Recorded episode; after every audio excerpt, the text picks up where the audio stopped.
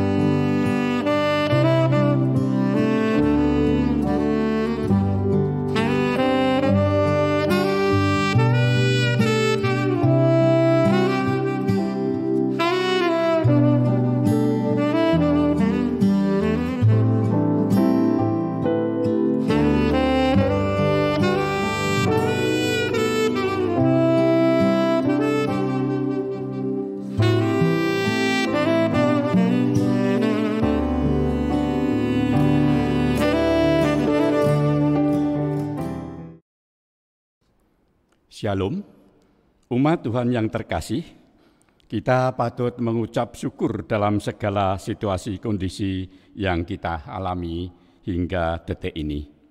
Karena kasih penyertaannya selalu mengiringi langkah kita. Dengan syukur itu, kita awali kebaktian kita saat ini dengan memuji namanya melalui pujian abadi tak nampak. Thank you.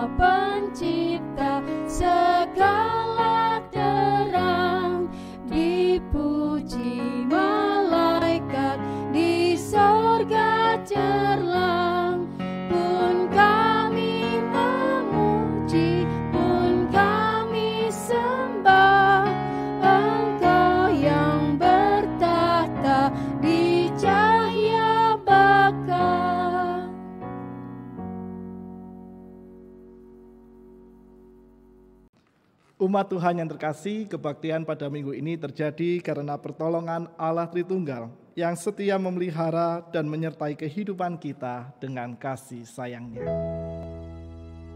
Amin.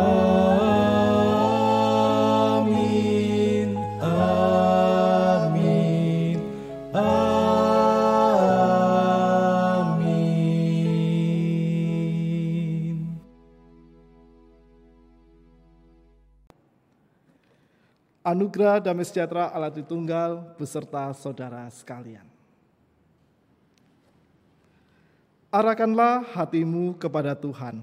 Menjadi kalimat pengutusan dalam formulasi liturgi GKI yang mengingatkan dan menyadarkan kita untuk selalu mengarahkan seluruh hidup secara utuh hanya kepada Tuhan. Mengapa demikian? Karena mengarahkan hati kepada Tuhan menjadi tugas penting yang harus kita lakukan serta perjuangan kala kita diutus. Melalui tema hari ini, kita diingatkan, diajak, sekaligus dikuatkan untuk selalu mengarahkan hati dan hidup kepada Tuhan, sehingga hidup kita berdampak positif dalam relasi dengan Tuhan, diri sendiri, sesama, dan semesta. Dalam kesempatan saat ini, kita diberikan waktu untuk mengakui dan menyatakan seluruh dosa dan kesalahan kita di hadapan Tuhan, saya memberikan kesempatan kepada umat untuk mengaku secara pribadi dalam doa. Mari kita berdoa.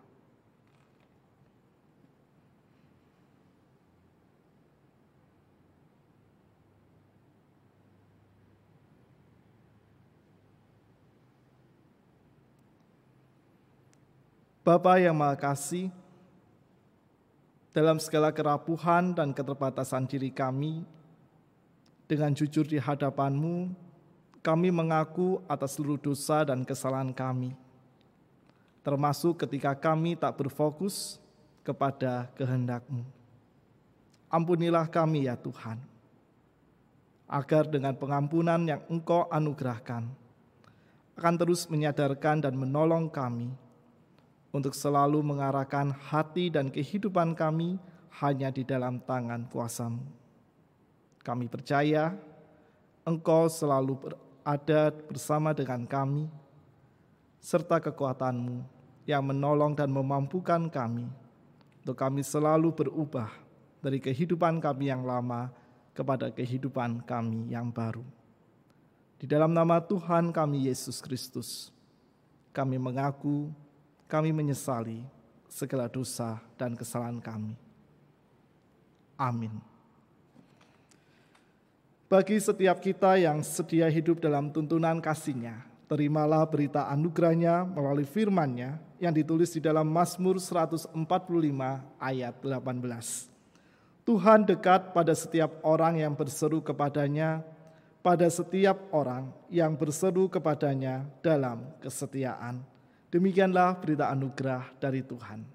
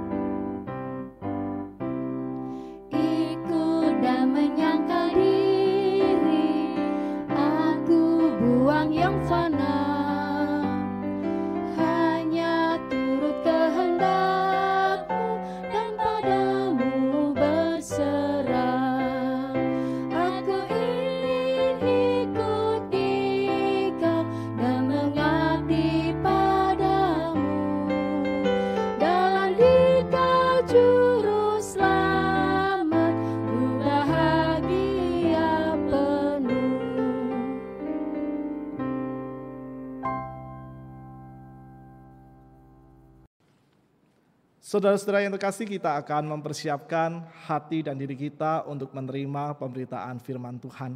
Mari kita berdoa. Bapa yang Maha Kasih, kami bersyukur karena Engkau memberikan kami waktu kembali untuk membaca dan merenungkan firman-Mu.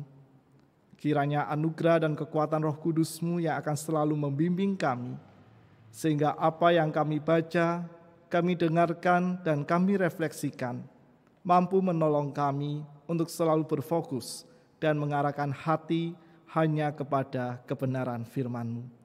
Di dalam nama Tuhan kami Yesus Kristus, kami siap menerima sabdamu. Amin. Saudara-saudara yang terkasih, pembacaan firman Tuhan diambil dari Matius 14 ayat 13 sampai 21.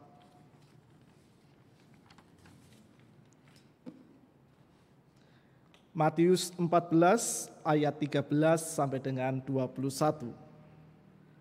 Setelah Yesus mendengar berita itu, menyingkirlah ia dari situ dan hendak mengasingkan diri dengan perahu ke tempat yang sunyi.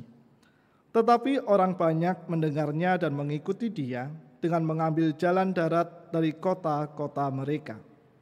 Ketika Yesus mendarat, ia melihat orang banyak yang besar jumlahnya, maka tergeraklah hatinya oleh belas kasihan kepada mereka dan ia menyembuhkan mereka yang sakit.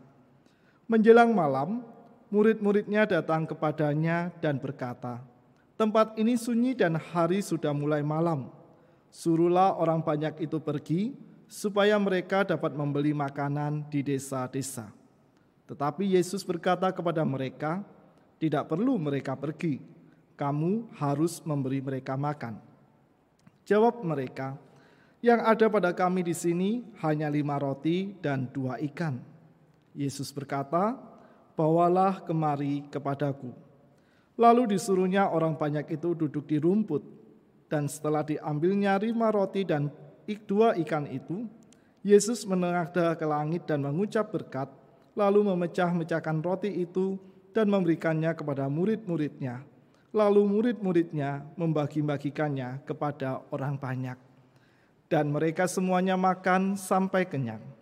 Kemudian orang mengumpulkan potongan-potongan roti yang sisa, 12 bakul penuh.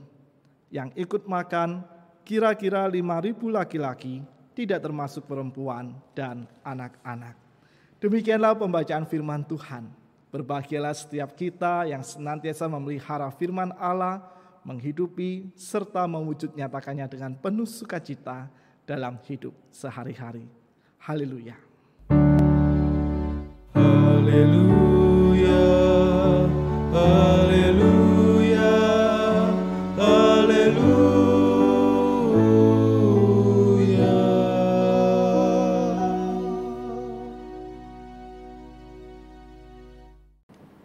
Saudara-saudara yang terkasih di dalam Kristus, kita perhatikan gambar yang ada di samping.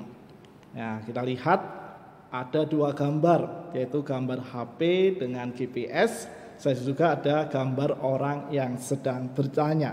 Ketika kita tersesat atau kebingungan mencari alamat yang ingin kita tuju, ketika kita ingin mencapai sebuah tempat dalam perjalanan kita, yang kita lakukan adalah pertama kali kalau dalam konteks kehidupan masa kini di mana semua orang sudah memakai gadget atau gawe, pasti akan menyalakan maps atau GPS yang ada di dalam HP-nya.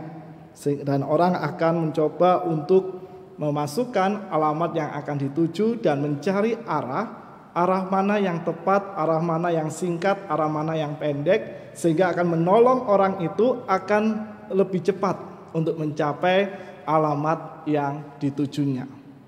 Tetapi ketika orang masih bingung, ketika GPS itu belum mampu menolong orang untuk mencapai arah tujuannya, maka orang akan menggunakan cara yang lain yang juga disebut GPS dalam tanda kutip. Atau kalau saya membahasakannya gunakan penduduk sekitar alias kita bertanya seperti gambar yang di samping HP tadi yang masih ada di layar kita untuk mencari tahu, berkomunikasi menanyakan alamat yang akan ia tuju agar ia memperoleh arahan yang tepat yang akan membuatnya sampai di, dal- eh, di tempat tujuan yang ingin dicapainya. Saudara-saudara yang terkasih, arahan itu penting untuk dimiliki oleh setiap orang ketika mencari sebuah alamat yang belum pernah sama sekali ditujunya agar ia mempersingkat waktunya dan tidak kebingungan untuk mencari di mana letak alamat yang ditujunya. Dan di sana pun diperlukan sebuah kesabaran sesuai yang terkasih. Mengapa harus bersabar? Karena ketika kita masih pertama kali atau bahkan ketika kita tersesat untuk mencapai alamat tujuan kita, maka dengan kesabaran itu mengikuti semua arahan-arahan yang kita peroleh akan menuntun kita pada jalan yang tepat untuk mencapai alamat yang kita tuju. Saudara-saudara yang terkasih, kehidupan yang kita jalani pun tak ubahnya seperti situasi yang kita alami ketika kita mencari alamat yang ingin kita tuju. Dalam menjalani semua proses kehidupan di dunia ini, kita memerlukan arahan yang jelas supaya langkah kita menjadi pasti serta mampu mencapai apa yang akan kita tuju dalam kehidupan kita seturut dengan kehendak Tuhan. Dalam formulasi liturgi kebaktian minggu yang selalu kita pergunakan, di kalimat pengutusan tertulis arahkanlah hatimu kepada Tuhan. Dan kita akan meresponnya dengan mengatakan kami mengarahkan hati kami kepada Tuhan. Apa artinya bagi kita dan mengapa penting sekali kita menghayati kalimat ini bukan hanya sekedar sebagai sebuah kalimat yang kita ucapkan dalam formulasi liturgi kita, tetapi bagaimana dengan kalimat ini kita ditolong dan kita dimampukan untuk memahami bagaimana cara dan apa dampak dari kita mengarahkan hati dan kehidupan kita kepada Tuhan serta bagaimana caranya juga secara konsisten kita mampu melakukan kalimat pengutusan ini dalam kehidupan kita. Saudara-saudara yang terkasih di dalam Kristus, teks Injil yang kita baca pada saat ini secara umum selalu dilihat dari kacamata musisat yang dinyatakan oleh Kristus ketika ia mampu mencukupkan kebutuhan orang-orang yang mengikutinya sebanyak 5.000 orang melalui lima roti dan dua ikan. Namun di sana ada sisi menarik sebenarnya yang bisa kita temukan.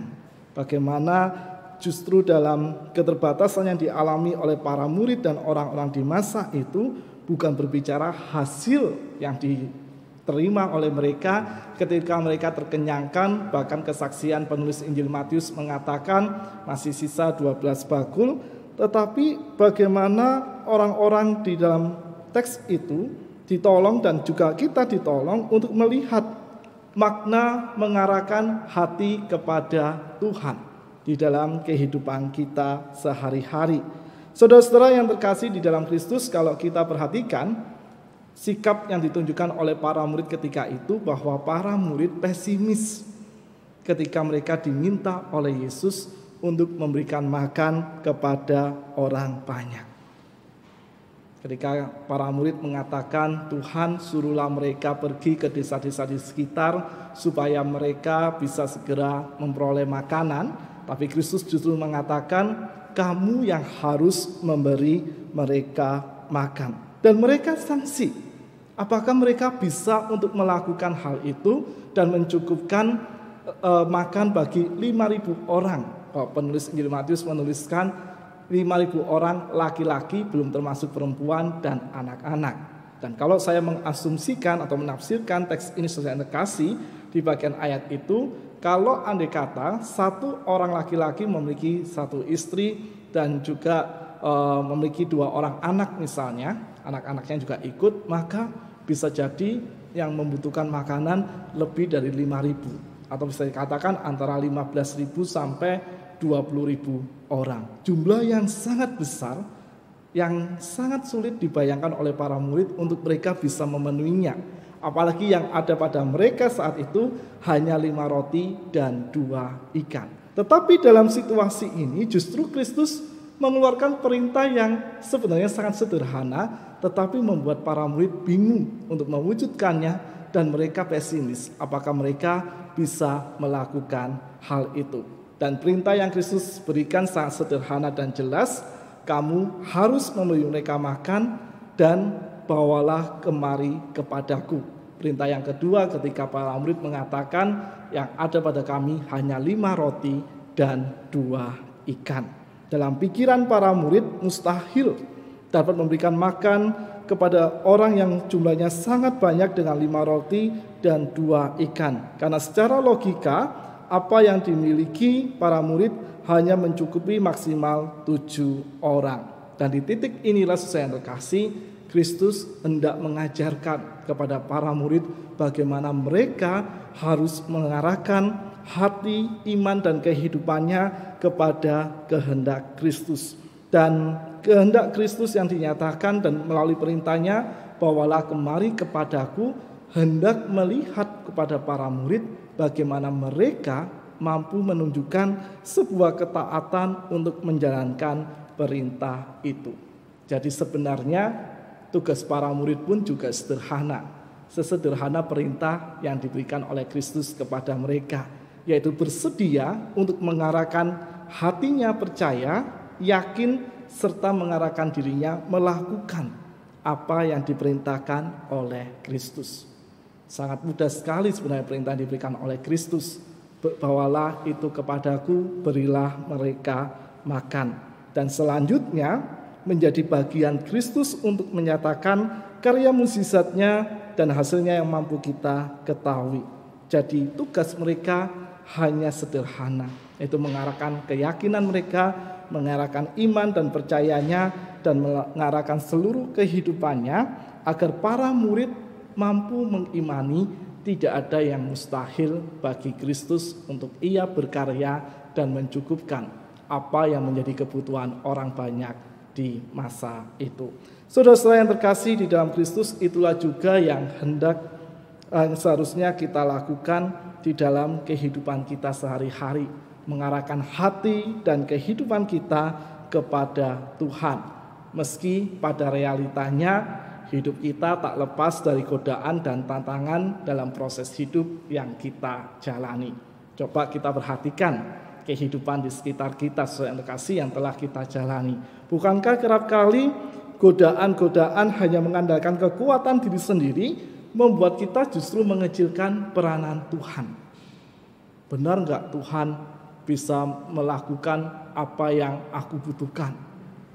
Bisa nggak Tuhan mencukupkan apa yang aku perlukan dalam kehidupan ini dan segudang godaan yang justru mendorong kita hanya aku yang bisa menyelesaikan ini Tuhan. Tanpamu aku bisa.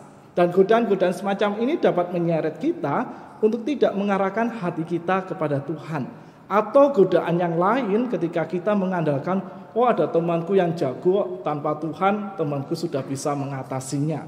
Bahkan godaan yang lain kita menggunakan kekuatan-kekuatan atau kuasa di luar kuasa dan kehendak Kristus yang kita yakini justru lebih bisa menolong kita dibandingkan kita mengarahkan hati kepada Tuhan.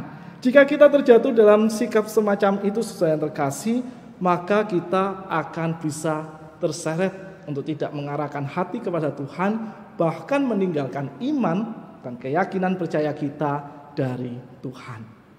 Itulah kita selalu diingatkan bahwa hal-hal semacam ini harus kita waspadai di dalam kehidupan kita supaya kita tidak terjatuh dan tidak terseret untuk tidak mengarahkan hati kita kepada Tuhan. Dan bagaimana atau apa yang harus kita lakukan belajar dari pengalaman bangsa Israel sesuai yang terkasih ketika Allah berfirman melalui Yesaya Dengarkanlah aku, maka kamu akan memakan yang baik dan kamu akan menikmati sajian yang paling lezat. Sendengkanlah telingamu dan datanglah kepadaku, dengarkanlah maka kamu akan hidup. Maka satu hal yang bisa kita lakukan bagaimana kita menjadi pribadi-pribadi yang bersedia mendengarkan suara kebenaran firman Tuhan. Dan instruksi yang diberikan oleh Allah melalui saya sangat jelas sekali, yaitu mendengarkan suara kebenaran firman Tuhan. Mendengarkan dalam teks Yesaya ini bukan hanya sepintas selalu saja, tetapi bagaimana kita pun berusaha dan berjuang secara aktif untuk selalu mencari tahu dan mencoba untuk memahami apa yang menjadi kehendak Tuhan di dalam kehidupan kita melalui kesetiaan kita menghidupi firman Tuhan di sepanjang proses hidup sehari-hari. Dengan demikian, kita perlu membangun ketaatan secara aktif, kesediaan untuk selalu hidup di dalam kebenaran firman Tuhan dan kesediaan mengarahkan seluruh hati kita hanya ke dalam kebenaran firman Tuhan. Karena dengan itulah dengan menyendengkan telinga kita dan kita datang kepada Tuhan mendengarkan apa yang Tuhan sampaikan menjadi satu-satunya cara untuk kita membangun kesediaan dan ketaatan kita mengarahkan hati kepada Tuhan. Dan dampaknya apa saja yang terkasih? Dampak yang pertama yang mampu kita peroleh ketika kita sedia mengarahkan kehidupan kita taat kepada Tuhan, mengarahkan hati kita hanya kepada Tuhan, kita akan hidup dalam damai sejahteranya. Ini sebuah dampak yang positif saat kita mengarahkan hati hanya kepada Tuhan, kita mengarahkan kesetiaan kita hanya kepada Tuhan, bukan kepada yang lain, maka kita akan selalu diliputi damai sejahtera Allah dan cinta kasihnya dalam kehidupan kita dan membangun relasi yang dekat dengan Allah seperti ini pun akan membuat kita semakin yakin untuk menjalani semua proses kehidupan kita. Meski ada godaan-godaan seperti yang saya sampaikan tadi, kita tidak terpengaruh. Tetapi justru dalam godaan-godaan yang kita terima, kita semakin berfokus dan kita semakin mengarahkan hati dan kehidupan kita hanya kepada Tuhan.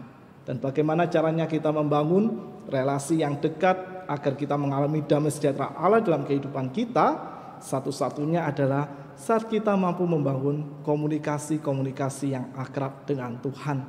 Tak hanya sekedar membaca, bersekutu, berdoa, tapi bagaimana firman Tuhan itu kita hidupi dan kita selalu mencoba untuk melihat apa sebenarnya yang Tuhan inginkan dan Tuhan kehendaki, selalu bertanya dalam diri kita, apa Tuhan yang menjadi maksudmu dalam kehidupanku? Dan mampu kita peroleh jawabannya ketika kita benar-benar hidup mengarahkan hati kita hanya kepada Tuhan tidak hanya dalam relasi kita dengan Tuhan saja termasuk juga dampak positif yang kita peroleh ketika kita hidup dengan sesama saat kita mengarahkan hati kepada Tuhan, kita beroleh damai sejahteranya, maka hal itulah juga yang akan mendorong dan memotivasi kita agar kita hidup saling mengasihi dengan sesama kita.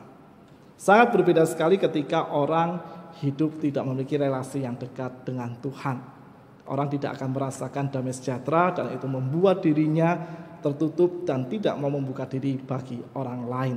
Tetapi bagi setiap orang yang bersedia mengarahkan hati kepada Tuhan, ia akan juga memperjuangkan kasih sayang yang telah ia terima dari Tuhan dan membagikannya kepada orang-orang di sekitarnya. Dan dengan itu orang-orang di sekitar akan mampu melihat juga bagaimana firman Tuhan diterjemahkan lewat kebaikan dan cinta kasih serta kehadiran orang-orang atau kita yang bersedia hidup dalam mengarahkan hati kepada Tuhan akan selalu mendatangkan dampak-dampak positif bagi orang-orang di sekeliling kita. Dan tidak hanya bagi sesama, bahkan juga bagi alam semesta, bagi bumi di mana kita tinggal dan di mana kita hidup saat ini. Kita akan bersedia untuk merawat bumi yang menjadi tempat tinggal kita, yang menjadi anugerah Tuhan yang terindah yang kita alami dalam kehidupan saat ini. Saya merasakan sebuah perbedaan yang sangat signifikan ketika kemarin karena pandemi COVID-19 ini ada hal positif yang mampu kita peroleh di mana udara lebih berkualitas dibandingkan waktu-waktu sebelum pandemi ini ada di dalam kehidupan kita hingga detik ini. Artinya sudah terkasih bahwa ketika hal-hal atau pembatasan-pembatasan diri kita dan kesediaan diri kita untuk merawat kehidupan yang ada di sekitar kita, merawat lingkungan yang dianugerahkan oleh Allah bagi kita, itu akan menolong kita kita selalu menyadari bahwa tugas dan panggilan kita tak hanya memanfaatkan dan mengelola alam ciptaan ini, tetapi juga bagaimana kita merawat dan kita mampu mengelola lingkungan ini dengan penuh sukacita dan menjaganya dengan sungguh-sungguh. Dan hal itu dapat kita lakukan ketika kita selalu mengarahkan kehidupan kita kepada Tuhan. Dengan mengarahkan hidup kita kepada Tuhan, kita belajar menjadi pribadi yang rendah hati. Kita belajar untuk berdamai dengan lingkungan yang ada di sekitar kita, tidak mengobrak-abriknya, tetapi merawatnya sebagai sahabat, sebagai ciptaan Tuhan yang dihadirkan bersama-sama dalam kehidupan kita. Sehingga pada akhirnya sedang terkasih dalam perjalanan yang kita lalui dalam kehidupan kita sehari-hari, pasti kita berjumpa dengan banyak godaan dan tantangan. Namun Tuhan selalu memberikan kita kesempatan untuk mengarahkan hati dan kehidupan kita berproses dan berjuang sekaligus kita bersedia setia kepada Allah di sepanjang kehidupan kita sehari-hari. Sehingga ketika Tuhan mengutus untuk mengarahkan hati kepadanya, maka jangan khawatir. Ada kekuatan, ada berkat dari Tuhan, ada sebuah penyertaan yang diberikan oleh Tuhan di dalam kehidupan kita yang akan menolong kita untuk selalu kita mengarahkan hati dan kehidupan kita hanya di dalam kehendaknya. Yakinilah itu pada seluruh kehidupan kita sehari-hari kita tak pernah sendiri untuk terus mengarahkan hati kita kepada Tuhan. Dalam segala godaan, tantangan, dan rintangan yang kita hadapi, jangan pernah menyerah, tapi terus fokuskan kehidupan kita hanya kepada Tuhan, karena Tuhan yang memberkati dan menolong kita. Jika kita memerlukan GPS atau kita perlu bertanya pada orang-orang di sekitar kita untuk menemukan alamat yang ingin kita tuju, kita memerlukan Tuhan yang terus mengarahkan kehidupan kita ke dalam kebenarannya yang mengarahkan diri kita supaya kita menemukan apa yang menjadi kehendaknya dalam kehidupan kita. Tuhan memberkati dan Tuhan senantiasa menolong kehidupan kita. Amin. Saat ini untuk kita semua.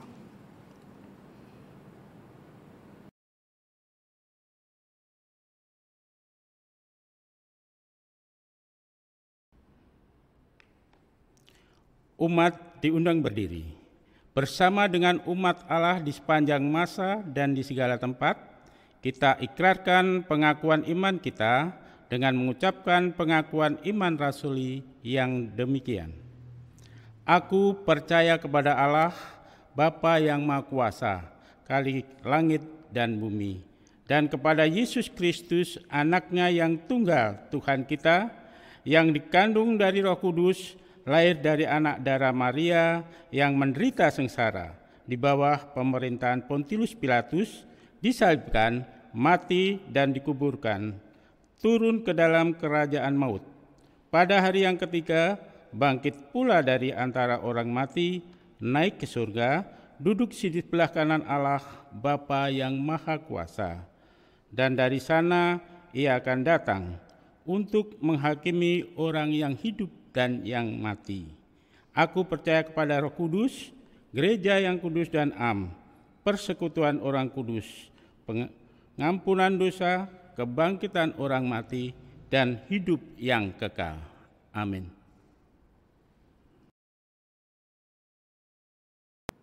Umat Tuhan yang terkasih kita akan menaikkan seluruh syafaat kita di dalam doa dan doa syafaat ini akan kita akhiri dengan menyanyikan doa Bapa kami. Mari kita berdoa. Bapak yang makasih kami mengucap syukur atas seluruh cinta dan kasih sayangmu yang selalu engkau anugerahkan dalam diri kami. Serta setiap kesempatan kami untuk mengarahkan hati dan seluruh kehidupan kami di dalam tangan kuasamu. Kami pun bersyukur ya Tuhan. Meski ada begitu banyak godaan, tantangan dan rintangan, yang mengiringi proses perjuangan kami untuk mengarahkan hati hanya kepadamu. Engkau selalu hadir dan engkau memberi kekuatan sehingga kami mampu berproses melewati semua godaan dan tantangan itu hanya di dalam kuasamu. Dan kami pun bersyukur kepadamu ya Tuhan oleh kekuatanmu juga. Di tengah segala keterbatasan waktu, di tengah keterpisahan jarak, kami memiliki kesempatan untuk bersekutu bersama dengan engkau dan umatmu yang lain meski kami terpisah. Dan kami pun bersyukur karena dengan semua kesempatan itu kami belajar banyak hal dalam kehidupan ini. Untuk itu ya Tuhan tolonglah kami agar kami mampu selalu mengarahkan hati dan kehidupan kami dengan kekuatan yang Engkau anugerahkan. Sehingga kami pun akan selalu belajar membangun kesetiaan, keberimanan kami hanya di dalam kehendak-Mu serta selalu mengarahkan diri kami di dalam tangan kuasamu. Dalam kesempatan ini ya Tuhan kami menaikkan seluruh syafaat kami. Kami berdoa untuk bangsa dan negara kami di tengah situasi pandemi COVID-19 ini.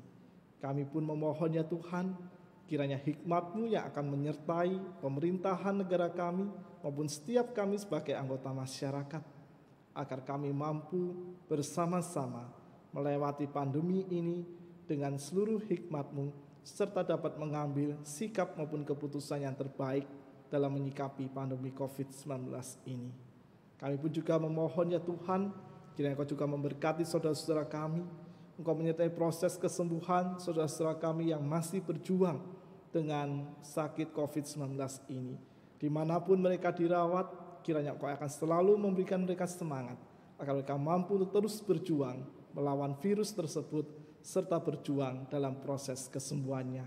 Demikian juga untuk seluruh tenaga medis dan para medis, Kau juga akan selalu menolong mereka ya Tuhan, agar mereka pun tetap terjaga kesehatannya serta mampu memberikan pertolongan yang terbaik untuk saudara-saudara kami yang saat ini tengah dirawat. Kami menyerahkan juga seluruh kehidupan dan proses menggereja kami. Kiranya Kau juga akan selalu memberkatinya Tuhan, sehingga dalam seluruh pelayanan dan kesediaan kami memelihara ikatan persekutuan akan menjadikan kami sebagai gereja untuk selalu menghadirkan dampak-dampak positif tak hanya dalam kehidupan internal kami juga dalam kehadiran kami di tengah-tengah lingkungan di mana kami berada. Kami serahkan seluruh pelayan, baik para penatua, pengurus badan pelayanan jemaat, para aktivis, teman-teman yang ada dalam tim, saudara-saudara kami yang ada dalam kepanitiaan dan setiap anggota jemaatmu yang terus berperan aktif dalam memberikan sumbangsi-sumbangsi yang terbaik bagi pembangunan gerejamu. Kiranya Tuhan Engkau selalu memberkati mereka sehingga dalam setiap bagian dan peranan yang mereka ambil, kiranya mereka tetap bersuka cita dan bersemangat untuk menjalaninya. Demikian juga dengan Yayasan Kristen Petra Madiun, kiranya Engkau juga akan selalu menolong dan memimpinnya Tuhan, sehingga dalam setiap pelayanan pendidikan yang diperjuangkan akan mampu menghadirkan pendidikan terbaik bagi anak-anak yang bersekolah di sana. Berkatilah juga untuk para pengurus, pembina, pengawas, Bapak Ibu guru dan seluruh karyawan agar mereka pun mampu berjuang bersama-sama saling bergandengan tangan dalam mewujudkan pelayanan ter pendidikan terbaik melalui sekolah Kristen Petra Madiun. Kami juga berdoa ya Tuhan untuk saudara-saudara kami dalam segala pergumulan yang mereka alami. Kiranya kasih sukacitamu terus memompas semangat mereka. Sehingga dalam seluruh pergumulan yang mereka alami, kiranya mereka tetap setia di dalam engkau dan mereka selalu bersedia pula berproses dalam seluruh pergumulan yang dialaminya. Kami juga berdoa untuk saudara-saudara kami yang saat ini ada dalam kondisi lemah tubuh, kiranya kau juga akan selalu memberkati proses pengobatan dan proses penyembuhan mereka, sehingga dalam segala proses tersebut mereka mampu menemukan kehadiranmu dan mereka merasakan bagaimana engkau menguatkan dan engkau selalu memberikan semangat kehidupan terbaik sehingga mereka mampu berproses dalam kesembuhannya. Untuk keluarga yang mendampingi, kiranya anugerah dan hikmatmu serta pengharapanmu engkau hadirkan di dalam diri mereka. Kami juga berdoa untuk setiap saudara-saudara kami, anggota keluarga kami, dan orang yang kami kasihi yang saat ini ada di luar kota dan mereka belum dapat pulang ke kota Madiun. Kiranya Kau juga akan selalu memberkati dan memimpin mereka, sehingga di mana pun mereka berada, dengan proses studi, dengan karya maupun proses mencari kerja, mereka akan selalu bersemangat menjalaninya dan mereka terlindungi oleh berkat kasih-Mu. Kami juga ingin menyerahkan seluruh kehidupan kami pribadi lepas pribadi dalam karya dan usaha kami ya Tuhan. Kami sadar di tengah pandemi ini kondisi perekonomian kami, di negara kami mulai bertumbuh lagi dan kami pun masih ada dan merasakan ada begitu banyak dampak yang kami alami dalam usaha kami. Tetapi kami tak ingin menyerah dalam memperjuangkan karya dan usaha tersebut. Dan kiranya Tuhan kau yang akan senantiasa menolong dan menopangnya. Sehingga dengan kekuatanmu kami bijak dalam mengelola karya dan usaha kami. Serta kami mampu untuk terus memberikan yang terbaik seturut dengan apa yang engkau kehendaki. Kiranya engkau juga mencukupkan segala apa yang kami perlukan dalam kehidupan kami sehari-hari. Sehingga dengan kecukupan itu ya Tuhan, kami pun akan terus belajar, hanya berserah dan hanya mengandalkan Engkau dalam seluruh proses yang kami jalani. Sesaat lagi kami akan melanjutkan langkah kehidupan kami. Kiranya damai sejahtera dan berkat-Mu akan senantiasa menolong dan memimpin kami agar kami mampu setia berproses dalam kehidupan kami serta melangkah hanya bersama dengan Engkau. Inilah segala ungkapan syukur dan permohonan kami yang kami panjatkan di dalam nama Tuhan kami Yesus Kristus, Allah yang senantiasa memberkati kami dan kami mengakhiri seluruh doa syafaat ini dengan menyanyikan doa sebagaimana yang telah Engkau ajarkan kepada kami. Amin. Bapa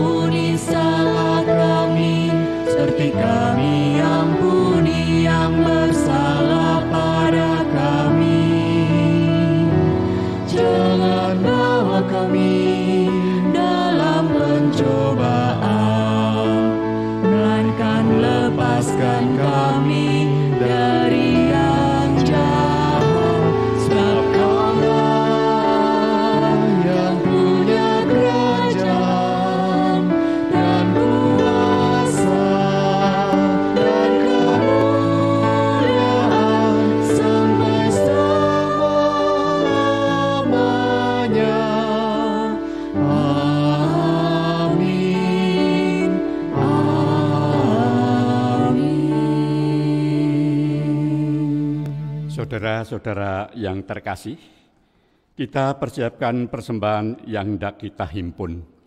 Firman Tuhan yang akan mendasari persembahan kita diambil dari Mazmur 54 ayat 8. Dengan rela hati, aku akan mempersembahkan korban kepadamu. Bersyukur sebab namamu baik ya Tuhan. Kita bawa persembahan kita dengan syukur kehadirat Tuhan.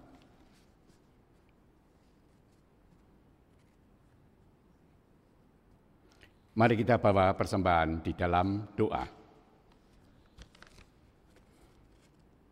Di tengah cuaca yang berubah-ubah, kadang cuaca dingin, kadang cuaca panas, kami bersyukur padamu ya Tuhan. Engkau telah menyertai kami sekalian hingga pagi ini dapat berbakti dan memuji. Terima kasih Tuhan Yesus. Saatnya bagi kami telah memberikan persembahan. Terimalah, berkatilah persembahan ini agar dapat berguna untuk perluasan kerajaan-Mu.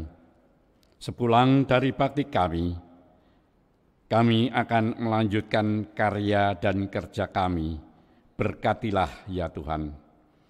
Di dalam nama putramu yang tunggal Tuhan kami, Yesus Kristus, kami mempersembahkan persembahan pagi ini.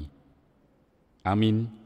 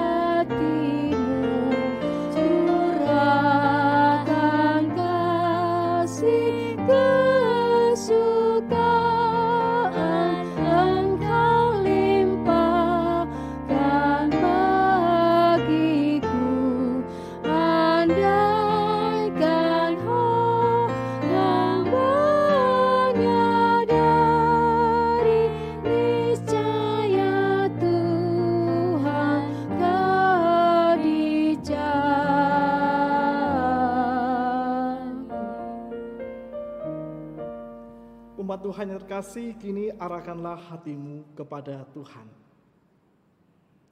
Jadilah saksi Kristus, terpujilah Tuhan.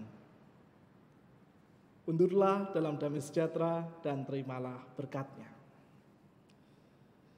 Anugerah damai sejahtera dan berkat pemeliharaan Allah Tritunggal senantiasa memampukanmu hidup mengarahkan hati hanya kepadanya, serta setia melakukan kehendaknya agar hidupmu selalu berdampak positif, kini dan sampai selama-lamanya. Haleluya. Amin.